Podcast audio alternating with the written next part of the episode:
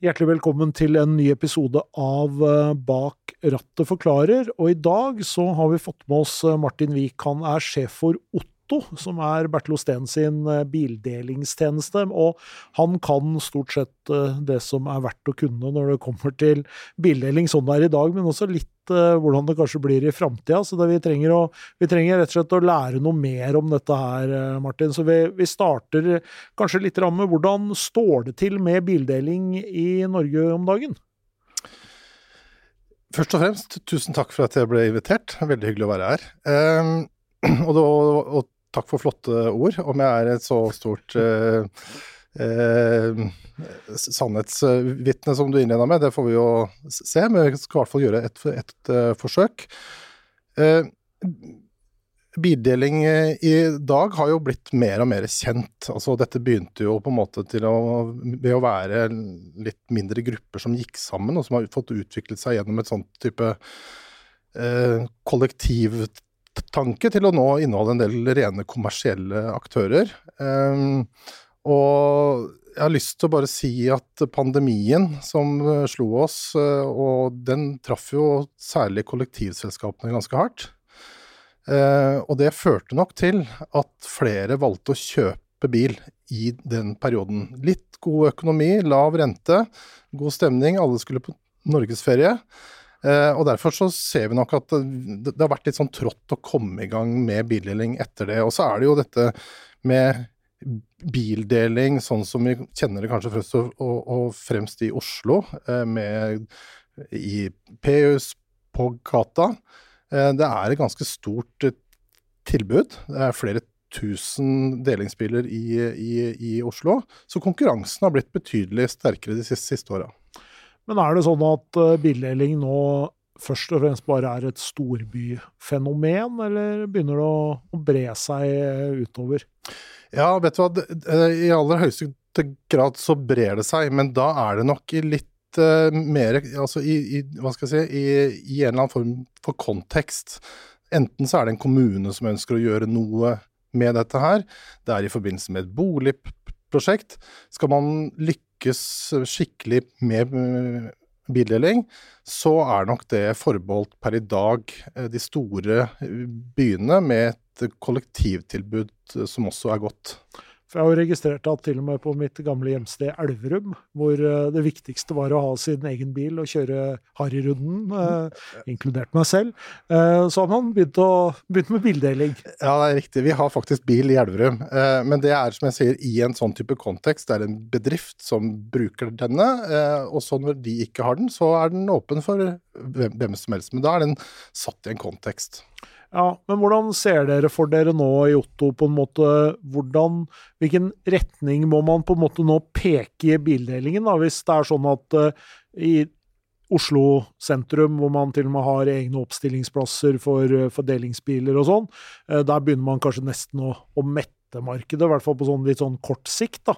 Eh, hvordan skal man da liksom tenke videre for å, eh, for å bringe bildeling til folket? Ja, altså jeg tror jo eh, Rent sånn tradisjonelt så står jo bilen ganske sterkt i den norske folkesjela. Eh, og så har jo ikke det med eierskap til bil, det er jo ikke noe vi har holdt på med i flere hundre år. Det er først kanskje fra 60-tallet, i forrige århundre, hvor dette ble litt sånn allemannseie. Eh, så jeg tror vel vi ser jo det at vi konkurrerer jo på en måte mot eh, når det, når det, gjelder økonomi, da, så konkurrerer vi jo mot den oppfatningen av hva folk har av at en bil faktisk koster. Mm. Eh, og da blir det jo litt sånn når vi enten kjøper en bil eller leaser en bil, og så har man en regningskonto som, som enten lån- eller leasingavtalen går på, og så, og så får vi liksom ikke kostnadene i fleisen. Eh, det får du jo kanskje i større grad ved bildeling, at på en måte du opplever kanskje at taksameteret liksom ruller litt. For du, du ser i appen ok, dette kosta denne ene turen, og så glemmer man litt hva det koster å, å, å, å eie en bil. Så vi ser jo det at det en, hvis du i dag anskaffer en ny bil til 400 000 kroner, så koster den fort deg 100 000 kroner i året. Eh, og så kan jo hver og en vurdere om det er fornuftig. Men jeg tror vel, jeg tror vel skal vi på en måte lykkes med bildeling, så tror jeg kanskje vi Ta f.eks. Oslo, så tror jeg vi trenger en aktør som liksom samler tjenestene, samler eh, tilbudet, setter det i denne konteksten. og det er jo kanskje naturlig at kollektivselskapene Vi ser at noen kollektivselskaper begynner å lukte litt på sånne løsninger. Eh, og det at, at, bildeling blir naturlig, eh, et naturlig tilbud for de menneskene som da ikke eier bil, men som primært løser transporten sin enten ved å gå, sykle eller kollektivt. Og så, tror jeg dette her handler litt om de store rammebetingelsene. Eh, kombinasjonen av, av ris og, og, og, og, pisk, da, om du vil. Mm. Uh, det tror jeg kanskje er de viktigste elementene uh, som må på plass. Og så tror vi veldig på det, eh, og i hvert fall som vi jobber veldig målretta mot. Det er det å få bildeling inn i boligprosjektene. Ja, For der eh, virker det som om man er nødt til å gjøre noe. fordi at når det bygges og prosjekteres nå, så er det jo ikke meninga at f.eks. en helt vanlig person som har en sju-åtte biler, da, eh, skal ha parkeringsplass til, til, alle bilene sine. Det har jeg skjønt at det er ikke, det er ikke meninga lenger. Sju-åtte biler. Eh, du kan kanskje klare å få lurt inn eh, to, men, eh, men, med et sånt eh, volum så tror jeg i hvert fall det blir krevende å flytte inn i et nytt boligprosjekt i Oslo. Ja, for i dag så er det vel knapt nok at det er én bil eh, per leilighet heller? Ja, altså det ser vi jo. Altså der er det jo veldig store endringer. Altså alle kommuner jobber jo med en sånn såkalt fortetting. Altså man skal utnytte arealet bedre. Istedenfor at byene skal vokse utover i et geografisk areal, så ønsker man og, og, og, heller fortette de områdene man allerede har gjort et type beslag eh, på. da. Mm. Så, så, vi ser jo at det er veldig vanlig i altså, egentlig de aller fleste mm, byer nå, så er vi nede på en parkeringsnorm i sentrumsområdene på under 0,5. Det betyr jo, bygger du 100 leiligheter, så er det 50 av de leilighetene som får muligheten til å ha med seg en, en bil. Og da er vi egentlig på den samme parkeringsnormen som vi var på 1950-tallet, eh, hvor folk ikke eide ut bil, og, at man da hadde, hadde, en lavere parkeringsnorm.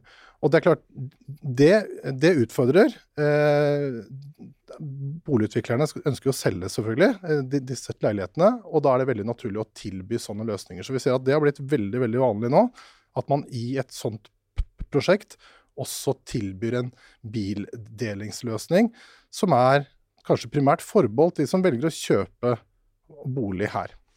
Ja, for det er jo egentlig også helt naturlig at det blir sånn, fordi at uh, man har jo etter hvert uh, redusert og begrensa bruken av bil i byen mm. veldig mye. Sånn at du skal jo ikke ha en bil som du skal Du skal ikke kjøre til Frogner hvis du, bor på, hvis du bor i Bjørvika.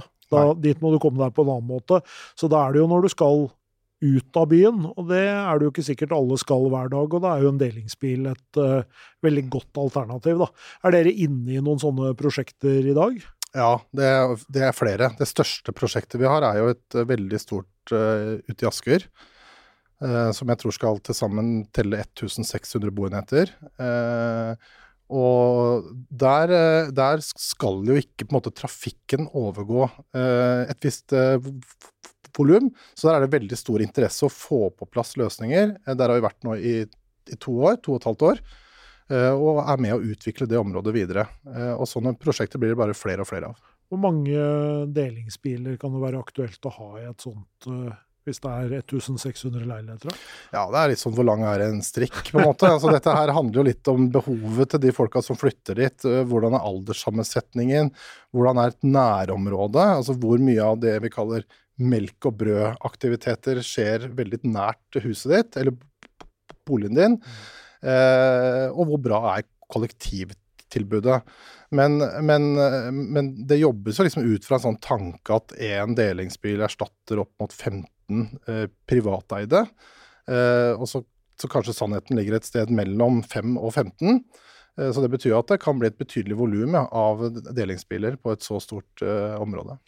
Men vil du si at Otto er, satser mer på den type samarbeid nå enn å være en sånn biler som står rundt i byen, litt mer tilfeldig plassert? Ja, vi, vi, vi, vi på en måte dreier nok satsingen inn mot det og, og også andre markeder. Det er riktig. Um, men uh, dere er også ganske aktive på i forbindelse med en del kommuner og en del av For der òg er det jo det er jo mange biler som brukes ute i kommunen i um, forbindelse med, med hjemmehjelptjenester eller, eller, andre ting. Og der òg må det jo være mye å effektivisere. Ja, Det er vel kanskje en av de områdene vi jobber aller sterkest med om dagen. Altså, Vi ser at det er et kjempepotensial for kommuner å optimalisere eh, og rett og slett redusere både kostnadene som det å eie en stor flåte har, men også, også å nå de liksom, både nasjonale og internasjonale målsetningene. Det er tross alt eh, kommunisert ganske kraftig at, at vi skal ha nullvekst i bilpark i Norge. Eh, og de siste to årene har jo ikke bidratt eh, noe særlig positivt inn i det. bidratt positivt for Bertil Osten, da. For Bertil Osten som selger biler så, og skrubiler, så, så, har det det, det selvfølgelig. Men, men, men, for disse nasjonale og internasjonale satsingene så er det det er ikke til å komme bort fra at det er en politisk utfordring når vi ser at kommunene de øker bilparken sin med, med, med nesten 10 i året. Og det gjør det jo fordi at tjenesteproduksjonen øker. Eh, og, og, det som er litt sånn kanskje spesielt med kommuner, er jo at de er jo store flåteeiere. Eh, og de har veldig lite sammenligningsgrunnlag sett opp mot hva andre hva skal jeg si, naturlige kommuner å sammenligne seg med har. Så vi ser jo ofte at to like kommuner har en ekstrem ulik, eh, har en ekstrem ulik bilpark. Eh, og det ser vi at eh, en kommune på 50 000 innbyggere den, den, kan ha 200 biler, mens en annen kommune på 50 000 innbyggere har 400 biler.